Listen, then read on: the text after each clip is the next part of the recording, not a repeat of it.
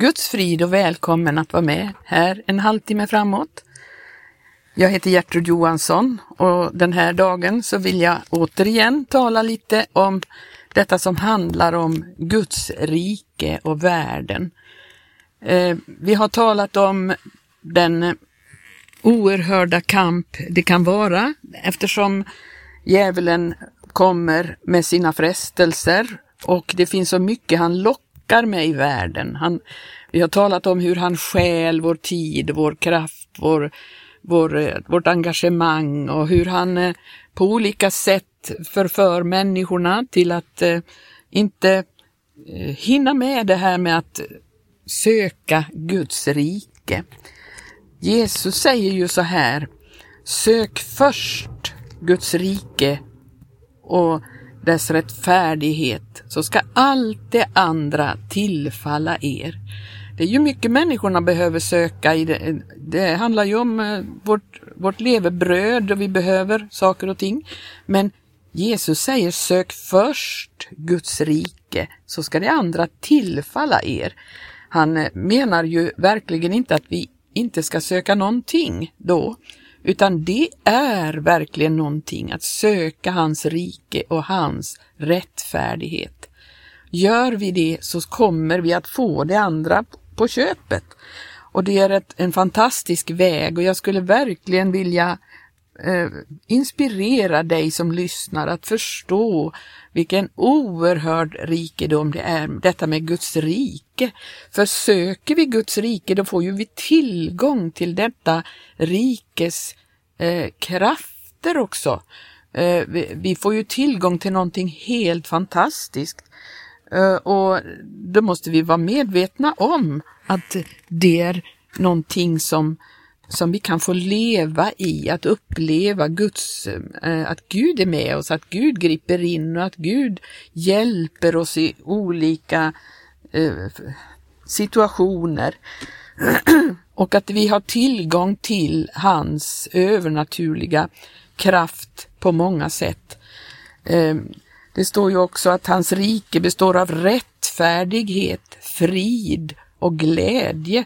Vem vill inte ha det? Rättfärdighet. Vi vill väl alla att det ska vara rättfärdigt, det liv vi lever. Det ska inte vara fyllt av orättfärdighet på många sätt.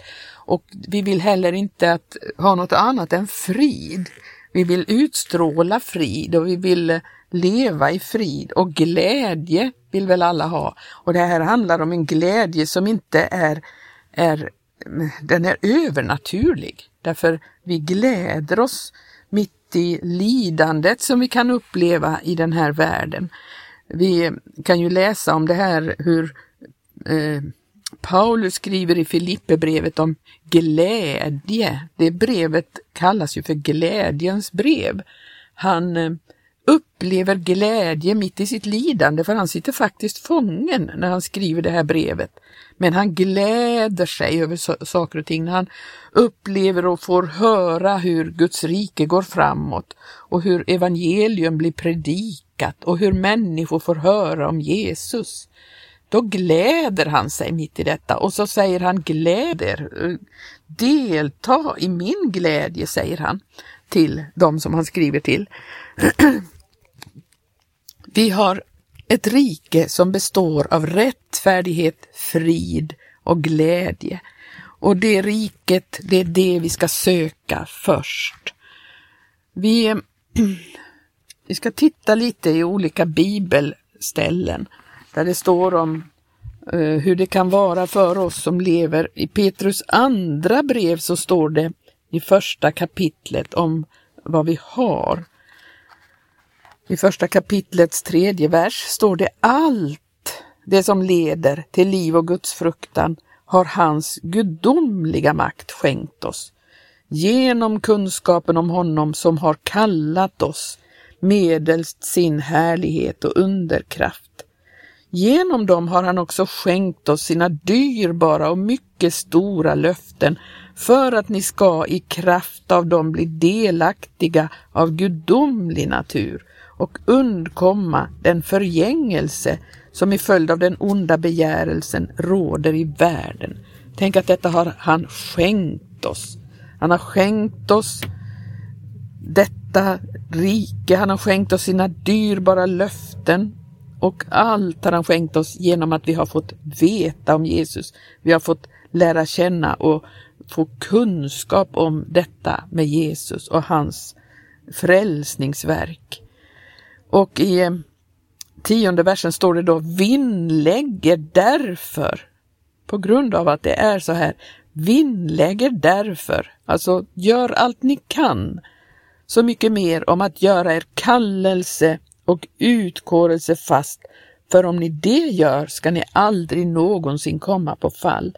Så skall inträdet i vår Herres och Frälsares Jesu Kristi eviga rike förlänas er i rikligt mått. Det kommer ju i Petri andra brev så varnar han ju för falska profeter som talar på ett helt annat sätt. Man, de talar, i andra kapitlet så talar han om falska profeter som på smygvägar in, för, försöker införa fördärvliga partimeningar. Och det ser vi verkligen i kristenheten. Det finns en, en eh, falsk förkunnelse som lovar en massa saker. Eh, de talar stora ord, står det, som är idel förfänglighet och de, har, de lockar till sig människor som eh, de lovar dem frihet fastän de själv är förgängelsens trälar. De har låtit sig insnärjas igen utav allt detta som världen har och så talar man på ett sådant sätt för att locka till sig obefästa människor. Det är därför vi måste ha kunskap om Jesus Kristus, att vi förstår att detta är någonting helt skilt ifrån världen. Man lovar dem frihet, man säger det är så fritt, man kan göra vad man vill när man är kristen, men man är ändå frälst och det där är en falsk förkunnelse. Och så talar man också om eh, att man ifrågasätter Jesu tillkommelse, det som är vår glädje och vårt hopp. Och men eh, det står att eftersom det är eh, på det här sättet att allt är i upplösning, så står det i tredje kapitlet, hurdana bör ni inte då vara i helig vandel och gudsfruktan, medan ni förbidar och påskyndar Guds dags tillkommelse. Och i fjortonde versen, därför mina älskade, eftersom ni förbidar detta. Alltså, vi väntar på en ny himmel och en ny jord, så ska ni med all flit sörja för att ni må för honom befinnas vara obefläckade och ostraffliga i frid. Vi talar ju om detta också, att hålla sig obefläckad av världen. Man eh, ska inte lyssna på dem som lockar oss in i, tillbaka in i världen igen. Vi ska verkligen eh, det står i 17 versen i sista kapitlet där i andra Petri brev. Då ni nu således, mina älskade, har fått veta detta i förväg, så ta er tillvara för att bli indragna om gudlösas villfarelse och därigenom förlorar ert fäste. Väx istället till i nåd och i kunskap om vår Herre och Frälsare Jesus Kristus. Honom tillhör äran nu och till evighetens dag. Amen, står det att eh, Petrus skriver. Vi kan titta i första Korinthierbrevet. Där står det om vad vi har i Kristus. Det är fantastiskt. Det är ju ett tal om korset det här, därför att korset handlar ju om att vi, vi dör för världen. Vi är, och världen för oss är död. Vi är så åtskilda från världen, vi har inte intresse av världen längre och världen kan inte komma åt oss därför vi är döda för världen. Det är talet om korset. Och då står det i första kapitlets eh, 18 versen att talet om korset är visserligen en dårskap för dem som går förlorade, men för oss som blir frälsta är det en Guds kraft. Ja, och så står det i 21 versen, eftersom världen inte genom sin visdom lärde känna Gud i hans visdom, behagade det Gud att genom den dårskap han lät predikas frälsa dem som tror. Och vi skulle kunna läsa hela kapitlet där, men för tidens skull så tar vi eh, i 27 versen. Men det som för världen var dåraktigt, det utvalde Gud för att han skulle låta de visa komma på skam. Och det som i världen var svagt, det utvalde Gud för att han skulle låta det starka komma på skam. Och det som i världen var ringa och föraktat, det utvalde Gud, ja det som ingenting var, för att han skulle göra det till intet som någonting var. Ty han ville inte att något kött skulle kunna berömma sig inför Gud. Men hans verk är det att ni är i Kristus Jesus, som för oss har blivit till visdom från Gud, till rättfärdighet och helgelse och till förlossning. Tänk vad vi har i Kristus. Vi tittar i andra kapitlets eh, nionde vers, så står det så här. Eh, för det handlar ju faktiskt om en visdom, men en visdom som inte människor förstår. Ehm, det står ju i femte versen, ty er tro skulle inte vara grundad på människors visdom utan på Guds kraft. Och så står det i nionde versen, vi talar så som det heter i skriften, vad intet öga har sett och intet öra har hört och vad ingen människas hjärta har kunnat tänka, vad Gud har berett åt dem som älskar honom. Ty för oss har Gud uppenbarat det genom sin ande. Anden utransakar ju allt, ja också Guds djuphet. Ty vilken människa vet vad som är i en människa utom den människans egen ande? Likaså känner ingen vad som är i Gud utom Guds ande. Men vi har inte fått världens ande utan den ande som är av Gud för att vi ska veta vad som har blivit oss skänkt av Gud. Om det här talar vi också inte med sådana ord som mänsklig visdom lär oss utan med sådana ord som anden lär oss vi har ju att tyda andliga ting för andliga människor. Det finns en visdom och någonting som människorna inte kan begripa sig på. Det går inte att förstå sig på det här om inte man är född på nytt och har fått Guds ande. Men vi har det och vi kan glädja oss i detta. Vi kan vara, vara så oerhört eh, uppfyllda utav denna glädje. Ja, det finns så mycket vi skulle kunna läsa om hur, hur eh, vi stiger från den ena härligheten till den andra, står den. Där Herrens ande är, det står i tredje kapitlets, eh, andra Korinthierbrevets tredje kapitel och sjuttonde vers, så står det Herren är anden och där Herrens ande är, där är frihet. Men vi alla som med avhöljt ansikte återspeglar Herrens härlighet vi förvandlas till hans avbilder i det att vi stiger från den ena härligheten till den andra, så som när den Herre verkar som själv är ande. Ja, vi får ju eh, rymma någonting sånt fantastiskt i våra bräckliga lerkärl. Det står i sjunde eh, versen i fjärde kapitlet, denna skatt tar vi i lerkärl för att den översvinnliga kraften ska befinnas vara Guds och inte något som kommer oss. Ja, det finns så mycket vi skulle kunna läsa om denna härlighet som vi har och någonting som är eh, någonting som inte människorna förstår och de förstår inte våra val och våra eh, prioriteringar men det kan inte hjälpas. Vi, genom att vi lever ett annat liv och prioriterar annorlunda än andra så är vi ljus för världen. Därför att det blir belyst att det de håller på med, det man gör i världen är meningslöst, men det vi gör det är någonting, någonting som blir evigt bestående. Det blir ett ljus eh, som kommer att eh, befalla på, på de här tingen. I Andra Korinthierbrevets fjärde kapitel och sextonde versen så står det så här. Därför fäller vi inte modet, om också vår utvärtes människa förgås, så förnyas likväl vår invärtes människa dag efter dag. Alltså vi har ju förgängliga kroppar, vi kan vara skröpliga och vi kan, eh, vi kan uppleva svaghet rent fysiskt. Men vår invärtes människa, den förnyas dag efter dag. Och så står det i 17 versen, ty vår bedrövelse som varar ett ögonblick och väger föga. Eh, alltså ett ögonblick, tiden i förhållande till evigheten är ju som ett litet ögonblick och det väger så lätt, det är ingenting. i förhållande till det som vi får. Vi fortsätter att läsa på den versen. Det bereder åt oss i översvinnligen rikt mått en härlighet som väger översvinnligen tungt och varar i evighet åt oss som inte har till ögonmärke de ting som syns, ty de, utan de som inte syns, ty de ting som syns, de varar allenast en tid, men de som inte syns, de varar i evighet. Är det inte fantastiskt? Vi har någonting som varar i evighet. Det står att vi har ett rike som inte ska vackla och det, det ska vi vara tacksamma för.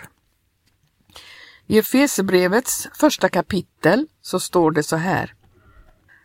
Paulus eh, talar till Efeserna och så säger han så här, och min bön är att vår Herres Jesu Kristi Gud, härlighetens fader, må giva er en visdomens och uppenbarelsens ande till kunskap om sig och att han må upplysa era hjärtans ögon så att ni förstår hurdant det hopp är, vartill han har kallat er, hur rikt på härlighet hans arv är bland de heliga och hur översvinnligt stor hans makt är på oss som tror allt i enlighet med den väldiga styrkas kraft varmed han har verkat i Kristus, i det att han uppväckte honom från de döda och satte honom på sin högra sida i den himmelska världen, över alla andevärldens furstar och väldigheter och makter och herrar, ja, över allt som kan nämnas, inte allenast i den här tidsåldern, utan också i den tillkommande. Allt la han under hans fötter och honom gav han åt församlingen till att vara ett huvud över allting, åt församlingen, ty den är hans kropp och är uppfylld av honom som uppfyller allt i alla. Vi har ju ett oerhört hopp. Vi har ju en, en fantastisk, alltså är det inte fantastiskt det som står här? Det har, det har eh, det går inte att beskriva. Så att eh, Paulus, eh, han försöker verkligen beskriva det här, men det är så oerhört stort det vi har. Det är verkligen inte ingenting. Eh, i Efesierbrevet 5 och 8 står det, ni var ju förut mörker, men nu är ni ljus i Herren. Vandra då såsom ljusets barn, ty ljusets frukt består i allt vad godhet och rättfärdighet och sanning är. Ja, vandra så i det att ni prövar vad som är välbehagligt för Herren. Naturligtvis ska vi vandra på det sättet. Vi tittar återigen lite grann i Filipperbrevet. Jag nämnde om Filipperbrevet, hur Paulus skriver om glädje. Han sitter fången när han skriver det här, men han skriver kapitlets tredje vers. Jag tackar min Gud så ofta jag tänker på, på er i det jag alltid i alla mina böner med glädje ber för er alla. Jag tackar honom för att ni alltid från första dagen intill nu har deltagit i arbetet för evangelium. Och jag har den tillförsikten att han som i er har begynt ett gott verk, han skall också fullborda det intill Kristi Jesu dag. Ja, han, han eh, verkligen gläds över att han vet att när han sitter där så finns det andra som eh, verkar och sprider evangelium. Det är det han är så glad över. Han är så oerhört glad och vi får ju verkligen tacka Gud att Paulus fick sitta eh, fängslad ibland för då kunde han skriva sina brev. Han hade inte tid med det annars. Men nu fick han tid och vi har fått välsignelse av att han hade, hade de här tillfällena att skriva ner så att vi åt, i vår tid får, får eh, uppbyggelse och glädje av att läsa detta.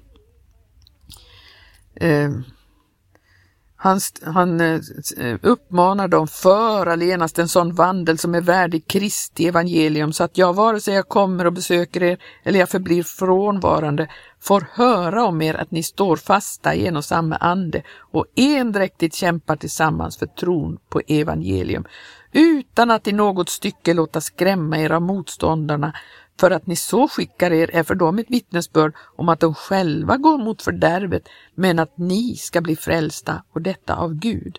Åt er har ju förunnats, inte allenast att tro på Kristus, utan också att lida för hans skull, i det att ni har samma kamp som ni försåg mig ha och nu hör att jag har. Han han är glad för att de kämpar samma kamp. Han vet att den här kampen, den är verkligen inte fåfäng. Den bereder någonting oerhört fantastiskt för dem.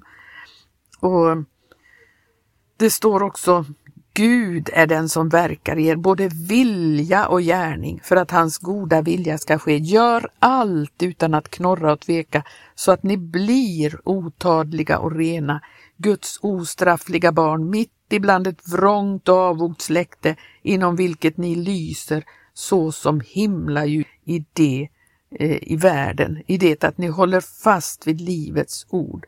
Precis det är vi kallade till att göra, att vara himlaljus i världen. Och genom vårt liv så kommer människorna att se ett ljus gå ut. Och det är, eh, det är vår uppgift i tiden att vara detta ljus och sprida kunskap och ljus så att människorna eh, får se ljuset ifrån evangelium. Även om de ser skröpliga människor så ser de ljuset i oss. Och, och det är fantastiskt att få vara med om det här. Och vi har ett hopp som inte kan slå fel. Vi är på väg till himmelen och vi är himla medborgare medans vi vandrar här. Må Gud välsigna dig att fortsätta kampen och inte låta dig skrämmas av att människor smädar den här vägen och inte vill gå den. Men gå du, det är en smal väg. Det är många som vandrar på den breda vägen.